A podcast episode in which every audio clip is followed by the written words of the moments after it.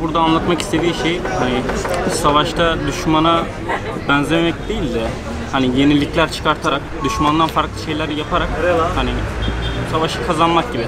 Hani düşmana benzedikten sonra aynı şeyleri yaptıktan sonra hani hiçbir farkın kalmayacak ki zaten.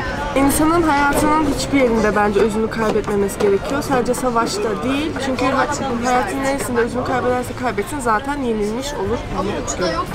İnsan zaten değerlerini kaybettiğinde yenilmiş sayılır ve aynı takdirde ona benzersin. E bu şekilde de ondan bir farkın kalmaz. Bu şekilde de yenilmiş sayılır. Sen kendin olmuyorsan eğer, düşmanına benzediysen zaten çoktan kaybetmişsindir. Ne koşulda olursa olsun e, özünü kaybetmemesi gerektiğinden bahsediyor bence ki özünü kaybettiği zaman insan kendi karakterini, e, kendi değerlerini de kaybetmiş oluyor.